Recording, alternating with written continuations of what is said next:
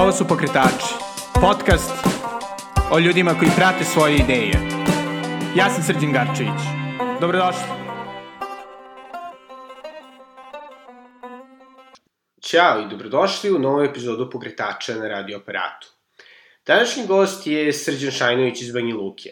Autor jednog od meni omiljenih blogova na našem jeziku o putovanjima je Isto da sam. Kao što ćete čuti, Srđanov blog nije tipičan blog o putovanjima. Prvo, destinacije koje bira su uglavnom dosta uzbudljivije, bilo da se radi o Mongoliji, Kosovu ili Iranu. I takođe, on se trudi da kroz svoje pisanje, koje zapravo više liči na putopis, približi ne samo mesta na koje ide, već i razne ljude sa kojima se na tim putovanjima slučajno susreo i svoje osjećanja i razmišljanja o svemu tome. Sa Srđanom sam takođe pričao i o tome kako on integriše svoju svakodnevnicu IT inženjera iz Banja Luke sa svojom avanturističkom prirodom, e, o tome šta zapravo je moguće naučiti na putovanjima i naravno o tome gde bi i o tome koliko nas određena propaganda i naše predrasude sprečavaju da uvidimo potencijale raznih mesta širom sveta. Pre nego što čujete moj razgovor sa Srđanom, takođe bih hteo da se zahvalim svim divnim ljudima koji su odlučili da podrže ovaj podcast i moj blog The Natural Times preko Patreona. Ukoliko vas interesuje da nešto slično uradite, to slobodno možete uraditi na mom profilu koji se nalazi na adresi patreon.com kosacrta Belgrade. A sada poslušajte Srđana Šajnovića, autora bloga Isto the Sun. Isto the Sun je krenuo u novembru 2015. I to zapravo tvojim putem do Dečana. I zapravo šta je, šta je bilo toliko posebno te, te večeri ili toga dana da si odlučio da, da bloguješ? E, znaš kako, Kosovo je, Kosovo je meni onako poprilično poprilično važna, važna i, i, i teška priča kao i meni, kao i većini valjda ljudi ovaj, sa, ovog, sa ovog našeg podneblja, odnosno Srba. Ovaj, I onda sam ja kao išao, išao nekad na to autostopersko putovanje u Kosovo, na Kosovo. Zapravo sam htio da idem u Jerusalim. -hmm. I onda mi je ne, neko da čijeg mišljenja mi ovaj, prilično, prilično ovaj, cijenim mišljenje te osobe rekao mi je da, ovaj, da bi trebao prije, prije toga da odim na Kosovo. I on onako hajde rako, ima, ima ta priča smisla. I onda sam nakon par dana, ovaj, bukvalno nakon 3-4 dana sam otišao na put na Kosovo i to je bilo u novembru 2015. I tamo sam, ovaj, pa onako bile, to je poprilično onako e, teška i, i, i luda neka priča i doživio sam neke super stvari i neke, neke blesave stvari ovaj, i tako sam se našao u Dečanima potpuno sam, potpuno izložen tako u sred noći, bilo je onako prilično, bilo je pomalo scary Ovaj, I on, onda sam došao na tu kapiju, pa su me tamo ti policajci, ovaj, odnosno vojska, pardon, italijanski vojnici su me ispitivali, pa, pa su me onda monasi ispitivali i onda, onda su, ovaj, pošto mislim, e, ja, ja, jako je komplikovano, komplikovano uopšte ući u Dečana, ja se nisam najavio naravno, i onda su me ovaj, primili ja sam tako sjedio, sjedio tokom noći u toj nekoj isposnici ovaj, kraj, kraj moštiju Stefana Dečanskog i zapisivao neke svoje ovaj, teze kao što to inače radim već godinama kad god putujem zapisujem te neke teze čisto za svoje za svoje potrebe. Ovaj, I onda sam ujutru, ujutru kada sam ustao i pročitao te teze, to, to mi onako zvučalo baš, baš je onako, djelovalo mi baš jako. I onda sam ja to podijelio na, na socijalnim mrežama, što je izazvalo popriličan bum i svi su počeli da, da šeruju, da, da se javljaju, da me pitaju kako šta, pa su me molili, mnogi su me molili savjetovali da pišem, ovaj, da, da objavim nekakvu priču na tu temu. I onda sam ja, da, ja sam u principu shvatio da, da ta priča jeste važna, meni je važna, volio bi da je podijelim, trebao bi da je podijelim, volio bi da je, da je čuju ljudi i tako je počelo zapravo. Ime sam izmislio čisto onako, hajde, pošto sam ja ovaj zaljubljenik u istok, i planirao sam da napišem samo tu jednu jedinu priču o Kosovu.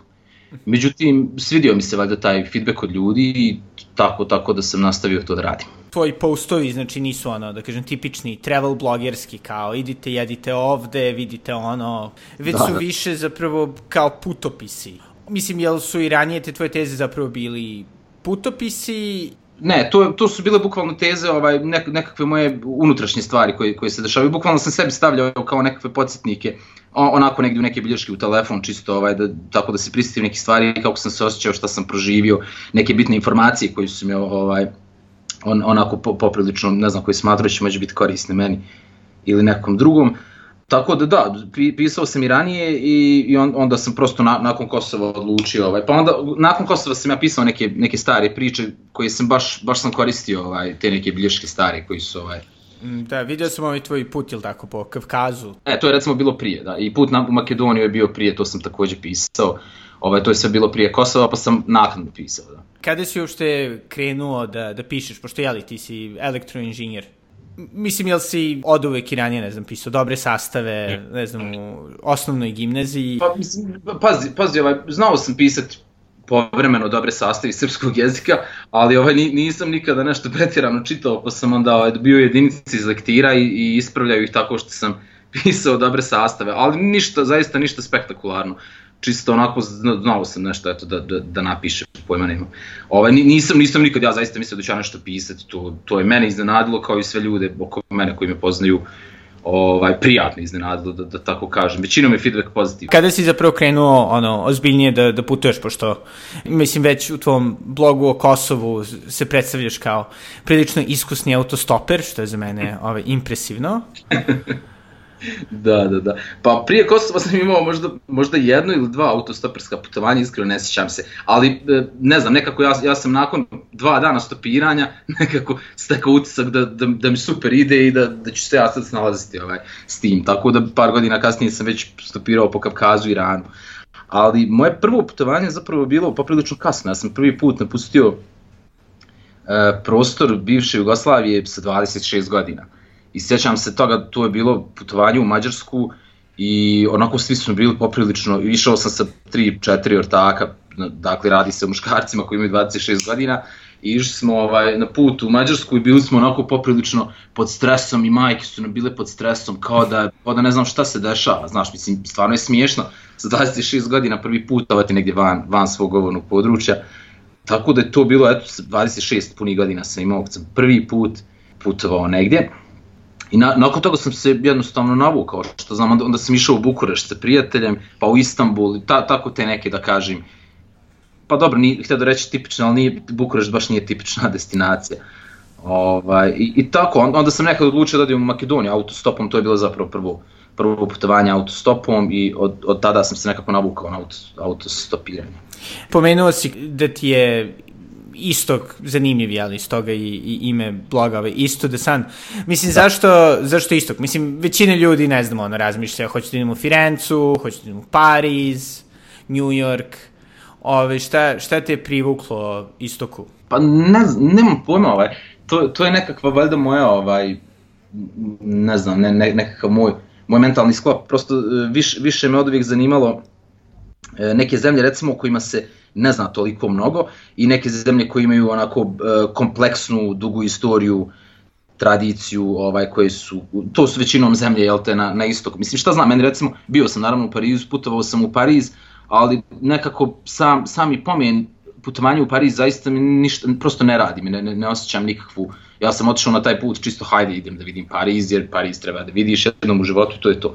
Ali znaš, nije, nije me radilo prosto. A ono, sa druge strane, kada, ne znam, kad sam išao u Gruziju, kad sam išao u Iran, ili sad nedavno kad sam išao u Kazahstan i Mongoliju, mogo sam, sam prosto ustreperim kad, ovaj, prije putovanja i kad, kad, kad sam tamo i kad razmišljam o tom putovanju. Jer nekako, E, ne, ne, nemamo mi pojma zapravo šta se tamo dešava i, i najčešće su to neke pogrešne slike koje se nama plasiraju, recimo Iran.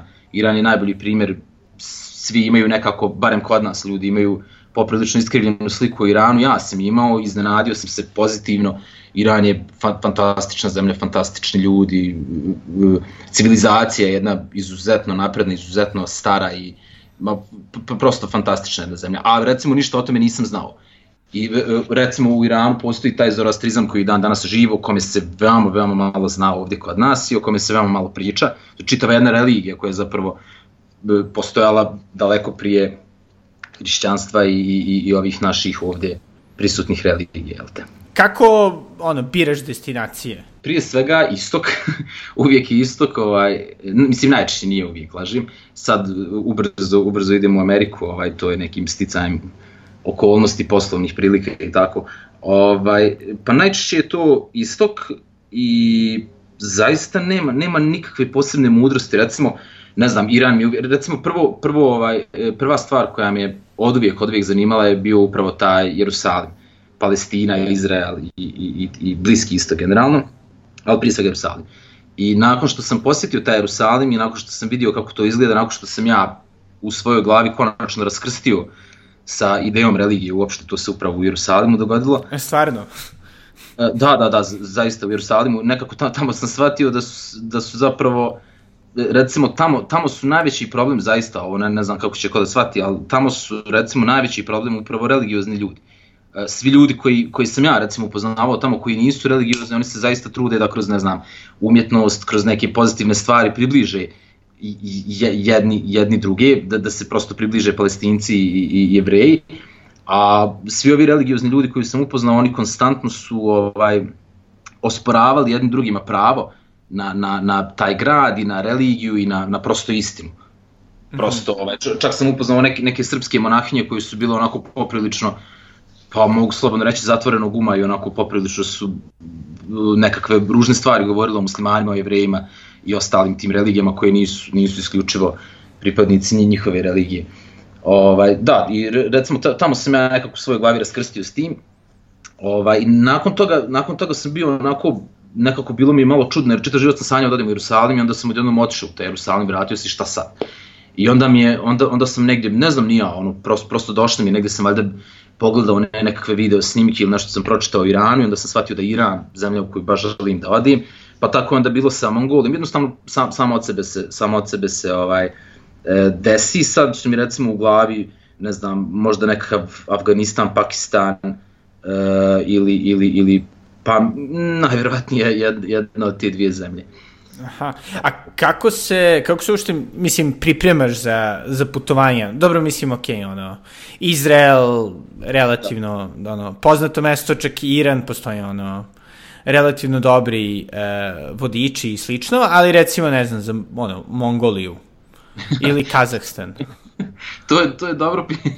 Mislim, dobro pitanje, ne znam, neobično pitanje, stvar, pitanje sasvim na mjestu, moj, moj odgovor je malo ovaj, čudan možda, pa znaš ako sa vremenom sve se manje pripremam, ja sam zapravo u Mongoliji otišao potpuno nespreman i zato sam, ovaj, ne znam, ako, ako, si, ako si čitao, ako si pratio, doživio gomilu, gomilu bizarnih, čudnih i, i poprilično neprijatnih iskustava.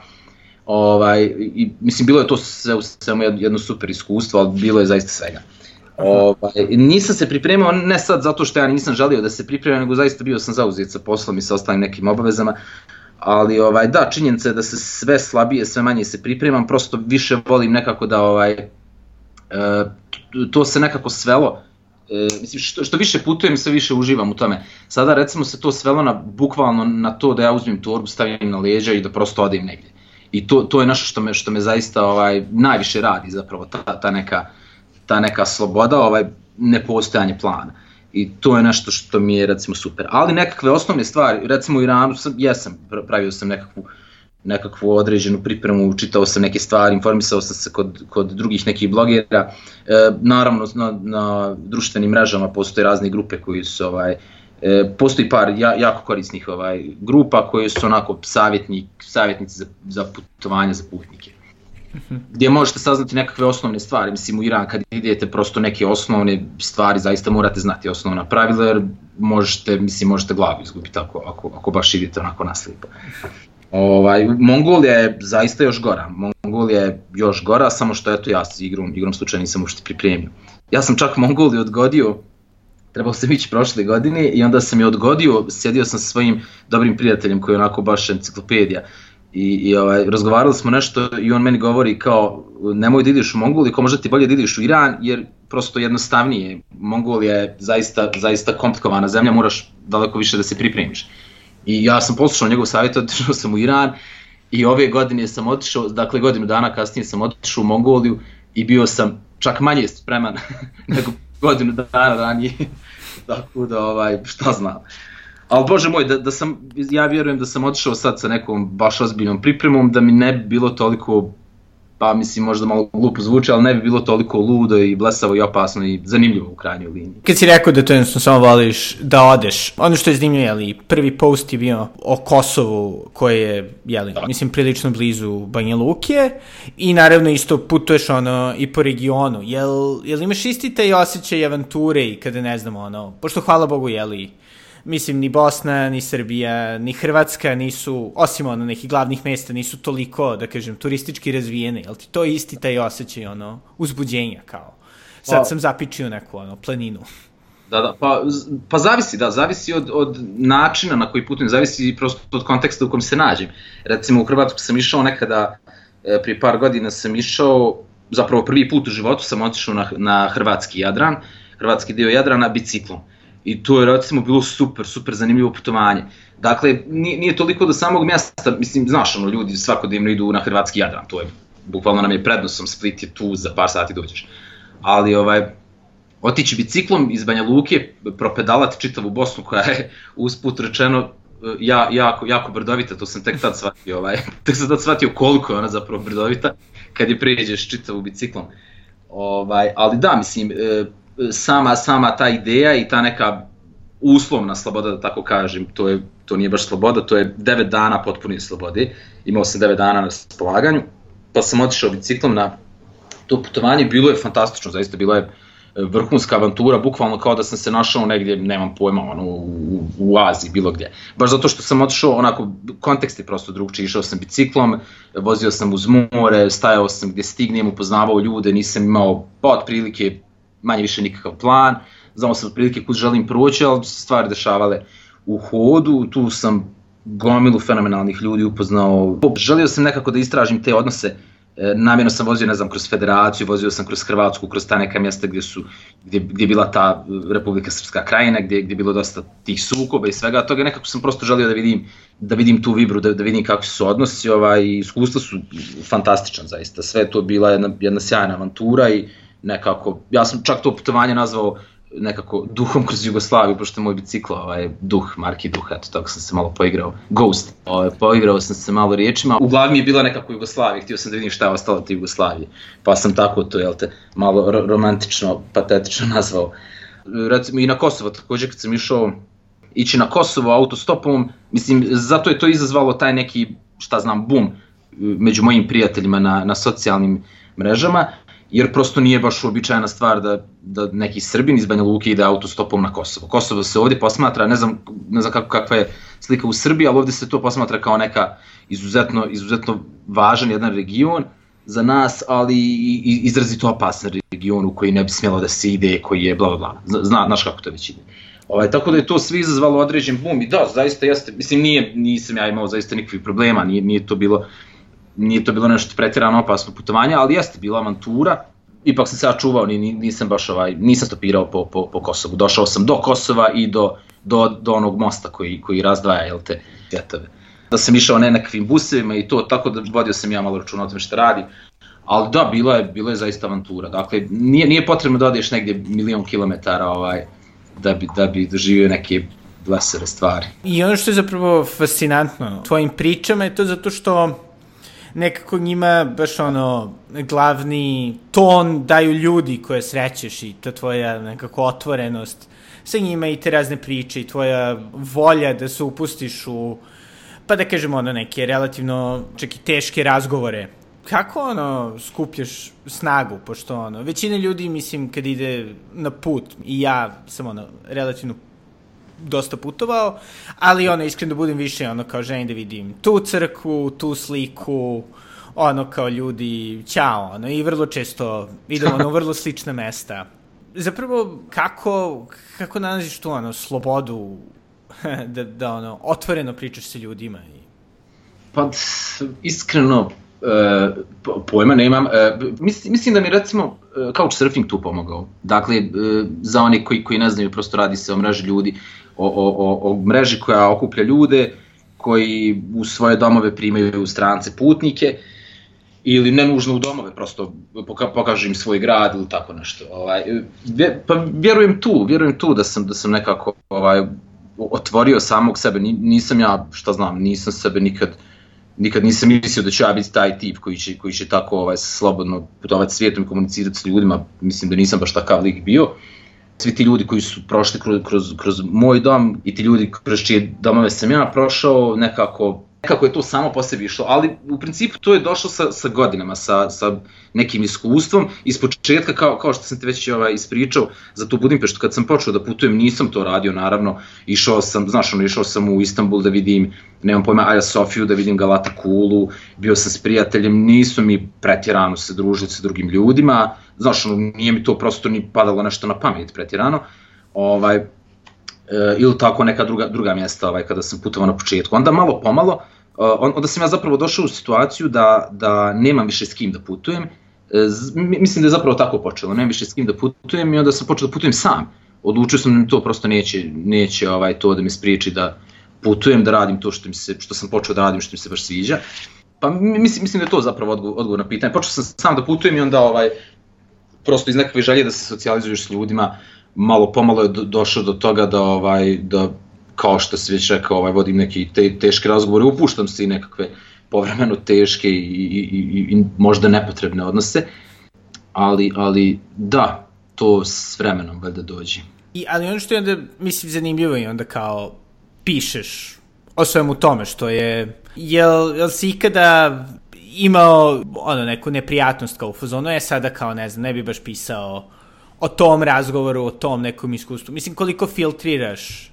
S vremenom sve manje filtriram. Recimo, kad sam počeo da pišem, e, kad sam pisao te priče o Kosovu, o Gruziji, mislim, i tu sam ja bio poprilično, ovaj, poprilično otvoren, vidim to sada, ali ovaj, daleko, daleko više sam stvari filtrirao tada i bio sam dosta, dosta onako, e, kako da kažem, korektni, znaš, nastojao sam da se kao korektni izrazim, da neke stvari prikrijem, da prosto neke stvari zadržim za sebe, ovaj, što isto naravno radim, prosto to je, to je normalna stvar, ali, ali sve manje, sve to nekako is, iskrenije i sirovije i mislim, prosto iskrenije. Nedavno sam nešto pisao o, o, o temi Ukrajine i putovanju u Ukrajinu, onako bio sam poprilično mislim sirovi iskreni. Onda dosta ljudi mi pisalo kao u pa zašto to pa kako to? Pa mislim to je prosto to je tako to je, to je moja impresija o toj zemlji i o tim ljudima pa šta šta znam Da, a reakcije, ne znam, tvoje ono, što bliže okoline, što, da kažemo, ono, interneta, jel su te ikada, ono, ne znam, iznenadile ili naterale da malo drugačije, ne znam, pišeš, da malo drugačije pristupiš blogu? Znaš kako, feedbacki su, feedbacki su većinom, mislim naravno, za, za, zato jel ti i, i, i pišem i dalje, feedbacki su većinom pozitivni, e, što je naravno super, uh, Ovaj, ima, imam dosta ovaj, i kritika konstruktivnih za koju sam takođe veoma, veoma otvoren, ima tu svakakvi komentara, ima i neki loši komentari i svega toga. Pa, pa recimo da, jedna, jedna od stvari je bila to ovaj, što, što su mi neki, neki bliski ljudi sugerisali da ovaj, o drugim ljudima kad pišem, da da bi trebalo biti ovaj prosto prosto malo obazriviji, znaš. I onda onda ja recimo tu tu sam kritiku apsolutno uvažio i ovaj kao mislim znaš. Jedna je stvar pisati u svojim nekim internim internim ličnim stvarima, a potpuno je drugo, druge ljude uključivati u, u sve to. Tako da ovaj, na to recimo više obraćam pažnju, zahvaljujući nekakvom feedbacku koji su mi drugi ljudi dali. A ono što je zanimljivo, jeli, mislim, ideš na te ono, sjajna putovanja, vrlo uzbudljiva, vrlo cool i onda, nemam pojma, sigurno postoje mislim, ono, nedelje kad se vratiš u Banja Luku i onda, ono, u ponedeljak na posao. Kako preživljavaš tu promenu između tog uh, moda avanture i kao ono svoga dnevnog života? Pa treba, da, treba mi neko vrijeme da se, da se adaptiram, nekad je baš teško. Ovaj. Srećom u zadnje vrijeme imam, imam jako puno posla, pa mi onda, znaš, odmah, odmah uletim nekakvu mašinu. I tu je recimo pisanje super, jer dosta tih stvari bih ja prosto zaboravio, znaš, vratim se i automatski upadnem u nekakav, nekakav ovdje potpuno drugi ritam, recimo jako puno posla imam i onda ovaj, zatrpaju me sve te moje obaveze, onda je super fora da to negdje, ne znam, zapišem, pa makar u, u svojoj nekoj, nekoj privatnoj zbirci, šta znam. E, da, ali u principu ja, ovaj, ja i volim nekako da održavam taj balans, znaš, mislim, e, recimo, razmišljao sam o tome ranije, e, da, da li bih ja volio da recimo živim od toga pa da putujem kao po svijetu, to je, mislim da zapravo ne bih. Mislim da mi super nekako ovaj balans koji koji nastojim da, da, da, da stvorim i koji sam stvorio, znaš, ovdje živim nekakav život koji, koji apsolutno nema nikakve veze sa tim što ja recimo pišem, pišem u tim pričama, živim potpuno drugčiji život, jedan korporativan život, znaš, radim za, za kompaniju, idem svaki dan, imam osmočasovno radno vrijeme, razgovaram s klijentima, sa svojim kolegama i tako, ovaj, a onda kada se zastim toga nakon par mjeseci, onda stavim torbu na leđa, odem na put i živim jedan potpuno, potpuno drugčiji način života, desetak, 15, 20 dana koliko mogu, napunim baterije i onda se, najčešće se zapravo desi to da ja ovaj, pred kraj putovanja budem onako poprilično srećan što se vraćam kući. Jer ovaj, mi, mi, mislim, mislim da, šta znam, sviđa mi se taj recimo balans, a s druge strane ovaj, ljudi koji, koji žive, koji, koji prosto putuju non stop, mislim da oni ovaj dosta to i opuštenije sve radi. Mislim, znaš, ja recimo imam, ne znam, 10 dana, evo recimo išao sam 15-20 dana u Iran. I sad tolika zemlja, tolika civilizacija, toliko stvari za vidjeti ja sam bukvalno spavao 4-5 sati dnevno, hodao milion kilometara dnevno, znaš ono, prosto ritam je, ritam je nepodnošljiv. I onda nakon, nakon 15 dana, pa evo recimo u Mongoliji sam 10 kila izgubio. I onda možda zbog toga meni zapravo nekako na, na pred kraj putovanja bude u stvari drago što ja se ja vraćam kući u svoju neku, u svoju neku rutinu, svoju neku kolotečinu, svojim prijateljima, svojoj porodici. Pominjao si da ne bi volio da živiš od bloga. Mislim, ono, si kao pokušavao na bilo koji način da, da kao monetizuješ blog ili da napraviš toga malo više biznis? Pa, znaš kako, ne, mislim, da poprilično sam onako lijen. Mislim, je, jesam nešto, pazi, čim, čim ovaj, ja o, očigledno ovaj, promovišem to na određen način na društvenim mrežama i to, dakle, o, očigledno postoji nekakav moj interes da, da se to jel te kao čita i da, da, da to dolazi. Imao sam tako par nekih ponuda, volio bi zašto da ne, to, to bilo fantastično da, da imam nekakav dodatni izvor prihoda od toga, to bilo zaista super, ali mislim, mislim da ne bih nužno, znaš, ono kao napustio sad tu neku sigurnost koju mi daje, ne znam, moj grad, ta neka zona, zona komfora. Ne vjerujem baš da bih je napustio, da bih išao putovati po svijetu, onako, da, da, da bi mi to sad bio kao način života. Pardon. Ali da, da, naravno volio bih ovaj da, da nekako dođem do određenih, određenih prihoda sa bloga, ali poprilično sam lijen da bi se sad ozbiljnije tim tome posvetio, znaš. No. Poprilično sporo pišem, znaš, dosta mi vremena treba za jednu priču, dosta mi vremena. Evo sad se recimo nešto aktivirao za njih 20 dana, poprilično sam aktivan, ali inače baš i ne. A kako zapravo to balansiraš? Znači, ne znam, na posao, I onda šta, uveče pišeš ili pišeš dok putuješ? Da, znaš ako, najčešće dosta, dosta stvari napišem ovaj, tokom putovanja, mada su to većinom nekakve fraze koje su onako mo, more, moraju da se nekako povežu, ali da, većina, većina se materijala napiše na putovanjima. 99,9% slučajeva putujem sam, e, što je super, što recimo, baš smo danas imali, imali ne nekakvu ovaj, raspravu, nekakve komentare, uh, na društvenim mrežama na tu temu i mislim da ne bi to mijenjao, putovati sam je fantastično i gomilu, gomilu je pozitivnih strana svega toga. Između ostalog imam jako puno vremena e, da prosto razmišljam o nekim stvarima o kojim želim da razmišljam, da obrađujem u glavi neke stvari, da pišem, prosto da, da kako da kažem, da odmorim mozak. Ovaj, I da, većina, većina materijala se ovaj, izgeneriše na putovanju, ali naravno to, to je sve potrebno ukviriti, srediti i to najčešće se dešava da, posle posla. Zato, zato sporo to i radim, jer ovaj, znaš, ono, kao završim sad s poslom i kao ići kući baš pisati blog, teško. Ove, ovaj, što bi rekao da je možda najvrednija stvar koju si naučio na svojim dosadašnjim putovanjima? Mog, moglo bi se to, ovaj, moglo bi se o tome, trebalo bi se o tome malo i moglo bi se tu ovaj, dosta o tome pričati. Pa pa, recimo shvatio sam jedna od stvari koja ovako možda, možda malo, malo filozofski zvuči kao, kao da nešto mudrujem, ali ovaj, shvatio sam da u principu, između ostalog što sam shvatio, da istina ne postoji, bare, barem ne jedna.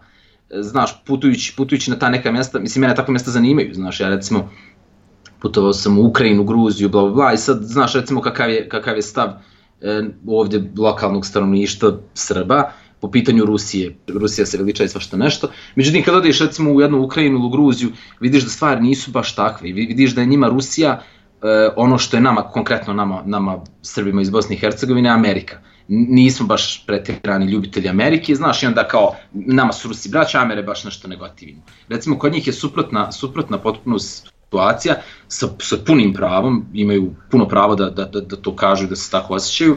I onda, mislim, recimo Kosovo takođe. E, na, na Kosovo, ja sam otišao na Kosovo najviše zbog te neke znatiželje, jer poznavajući kako funkcioniše propaganda, posebno srpska propaganda kojom sam najviše izlagan, bože moj, tokom života. I poznavajući kako je to sve funkcionisalo za vrijeme rata u Bosni, ovaj, pretpostavljao sam da to baš nije onako kako se nama servira i naravno kad sam otišao na Kosovo vidio sam da to nije baš tako kako se nama servira. U principu ne postoji jedna ta neka istina koja se treba držati po svaku cijenu.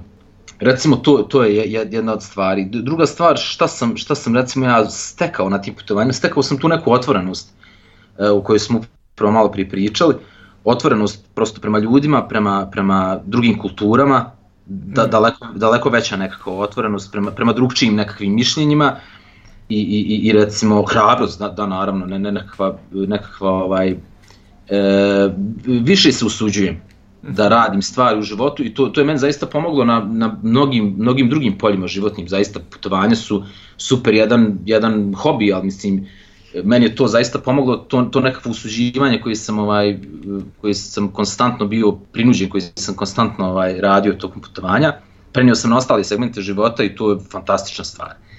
I, i recimo šta sam još stekao, stekao sam gomilu nekakvih ovaj, super, super poznanika, ljudi, ljudi dakle, super poznanika, e, dok sam putovao po svijetu, svuda po svijetu, znaš ono, stvarno je sjajna stvar imati, imati prijatelje širom svijeta, imati siguran dom širom, širom svijeta, to je super stvar. I, i naravno pišući, dok sam pisao i, i, i šta znam, objavljivao sve to, upoznao sam jako, jako puno super, super cool, zanimljivih ljudi, kvalitetnih ljudi, tako da to su neke moje, recimo, recimo ovaj, recimo ne, ne, nekakve koristi. Je li ikada postojao neki trenutak kad si bio na foru šta meni ovo treba, zašto, za Boga sam ja u ovom mestu, mučim se sa ovim ljudima? jeste, jeste, da. E, pa recimo, moja negativna iskustva su većinom vezana za Mađarsku. Znači sa Mađarskom imam ta, tako nekako... Što je prilično ironično, znači da je prva zemlja u kojoj si bio. Da, da, to je prva zemlja u kojoj sam bio i to je zemlja u koju non stop putujem. Ja non stop letim iz Mađarske, znaš, ono, oni, oni recimo su centar, evropski centar za jeftine letove, za vizer baš što se tiče vizer kompanije. I stalno pute u Mađarsku, bukvalno, znači svako moje putovanje u Mađarsku je ono katastrofalno, neka iskustva se dešavaju. To, to je prosto, mislim, mislim da to sad, sad ovaj, poslednjih par godina ja sam zato kriv jer ja već idem tamo sa određenom, znaš, sa određenim ne, negativnim, negativnim nabojem i prosto loše stvari moram privući, to, to je prosto moja sad krivica. Ali da, ovaj, e, desilo mi se par puta i desilo mi se recimo sada u Mongoliji, to mi je bilo zadnje, zadnje veliko putovanje i tu, tu sam stvarno pomislio, čak sam u jednom momentu pomislio kao ako se izvučiš iz ovoga, boga mi neće više putovati. Na, znaš, bio, bio sam toliko... Da, šta je, šta se desilo? Se, pa, de, u, desilo se svašta, to, to je bilo ovaj, fantastično jedno putovanje, ali kao što već rekao, prepuno, prepuno ludih i bizarnih iskustava i dogodilo se to da sam ovaj, putujući, stopirao sam prema e, prema Rusiji, pošto sam skapirao da ne, ne mogu prosto, ne mogu ja mogu li da, ne mogu ni da je zagrizem, znaš, prosto prevelike zaloga je za mene, ogromne su distance, e, ogromne su površine, jako se teško čovjek kreće, zapadni dio Mongolije, ovaj, nema apsolutno nikakve civilizacije i, ljud, i ono malo ljudi što sretneš potpuno su, potpuno su prosto divlji, ne znam nija. I onda sam ja pokušao da, ovaj, da pobjegnem, da što prije stignem ka, ka Rusiji, jel te majci Rusiji, I onda sam ja, jel te, kao, da, kao stopirao i sas, znači tu se dogodila bukvalno filmska scena, ja sam ovaj, e, ne znajući pojma nisam imao, došao sam u neki gradić i ja, ja da sam ja nekako uspio da stopiram, nekog tu sam mislio, recimo hodao sam, ne znam, dva sata po, po cesti bez jednog jedinog automobila, oluja se spremala, gomila je divljih zvijeri bila oko mene, gomila je leševa divljih zvijeri bila oko mene, zaista bio užasan prizor. I dva, dva sata sam ovaj, hodao, nijedno auto, nijedno motorno vozilo se nije pojavilo. Ovaj, I da bi se najzad pojavio nekakav kombi koji je mene odveo u neki, odvezao u nek, nekakav gradić koji je bio onako stotinja kilometara udaljen od ruske granice, ja sam sav srećan, ovaj, prespavao, sutradan se probudio, Međutim, e, da, da, zaboravih reći, ovaj, da me, tokom tog putovanja su me određeni ljudi upozoravali na, na određene, e, na, na to da je granica zatvorena i govorili su mi stvari e, poput e, karantin, e, granica zatvorena, dvoje ljudi mrtvo. To su mi govorili na, na ruskom jeziku, nisam mogao baš da ih razumijem, ali to sam razumio. Da bi se na kraju ispostavilo da sam ja uletio u, u karantin, gradić koji, ovaj, u kojem se dogodila, u kojem se pojavila kuga. Ujebot. kuga, da, pojavila se kuga ja pojma nisam imao, to je zaista bila filmska scena, sad zamisli, ja sam ovaj, jutrom ustao i onako popio kafu, sve sam ja odradio i srećan sam, imam još samo 100 km do Rusije, baš sam onako presrećan zbog toga i, ovaj, i uspeću, nema šta, mislim, mogu da prehodam to za, za 5 dana, zaista nije problem. Problem je bio u tome što je bilo nekoliko dana prije 9. maja, e, tipa 2-3 dana prije 9. maja i 9. maja Rusi zatvaraju granicu i 3 dana će biti zatvorena. I meni, ja sam morao prosto da pređem tu granicu što prije.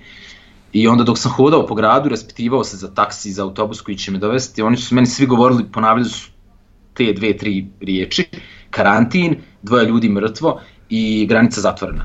Te, samo te termine sam mogao da razumijem i, i bio onako zbunjeno sam hodao po gradu da bih našao jednog jedinog lika koji priča engleski, koji mi je objasnio da su ljudi zaista umrli, jer su pojeli, nećeš verovati, mrmota, sirovog, sirovog mrmota koji, ovaj, koji se, u Mongoliji je to ono specijalitet kao ljudi jedu sirove mrmote, mislim, nevjerovatno. I onda su pomrli i čitav grad je zatvoren u karantin, Rusija je zatvorila granicu, um, svjetska zdravstvena organizacija je poslala doktore i bilo je baš, baš pakleno. Ljudi su šest dana bili u karantinu i ja sam srećom, srećom pa sam došao zadnji dan karantina i tako da ja sam u principu 24 sata bio u karantinu, ne znajući uopšte da sam u karantinu. I to, to je bio moment kada sam pomislio, pardon, ovaj, kada sam pomislio da, da ono stvarno ako se izvučeš, ono stvarno ne, nećeš više tako, barem tako neplanski.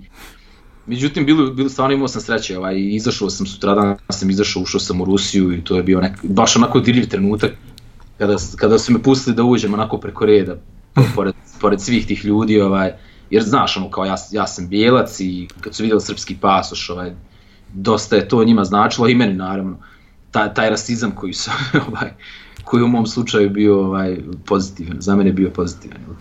Ludilo, jel si probao mrmota ovaj? ne, to me svi pitaju, o, pa ne znam, ne znam, planirao sam da kupim mrmota, da ga imam kod kući kao ljubimca. Nisam, ovaj, ali ka, kažu, kažu da je, što je najgore, kažu da je jako, jako zdravo i da je jako ukusno da, da se pojede mrmotova, pazi sad, dakle, sirova, odnosno jetra mrmota koji je prosto sirova jetra mrmota i bubrezi. Dakle, po, pojediš ih tipa, ne znam, 15 minuta nakon što ga ubiješ, jer tad je svježa i ne znam nije. Užas. Ali kažu, kažu da je jako ukusno i da je super zdravo i da liječi sto nekih bolesti. Osim ako nije kukom zaražen mrmot. Da, znači, ovaj, slušalci, ako ovaj, ovo čujete, budite sigurni da su mrmoti zdravi. Da.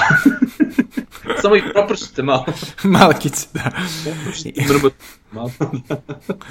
Ludilo. Da, to je baš, wow.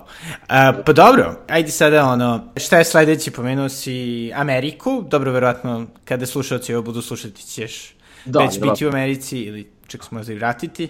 Amerika je ovaj onako polu poslovno, polu polu zadovoljstvo, al tako. Ono, mislim drago mi u principu, nisam neki ljubitelj baš Amerike, al bože moj. Svi moje kolege su dobili vizu na 10 godina, ja sam dobio na, na godinu dana zbog, oh. zbog Irana, Libana i svega toga što je bilo u mom pasu, ja sam očekivao da me neće ni pustiti. Uglavnom da, idem tamo i onda ću, pošto ove godine nema više godišnjeg uopšte do, do, do januara, onda sigurno će biti nekakav istok, šta znam, možda, možda nekakav Afganistan, Irak, nekakav bliski istok, nešto tako. Nisam još siguran, ali biće nešto, uglavnom biće nešto o čemu se jako malo zna i, ili o čemu se zna dosta stvari koji su prosto proizvod nečije propagande. I šta bi rekao, ovaj, koje su ono, top 3 destinacije koje bi preporučio svima da vide?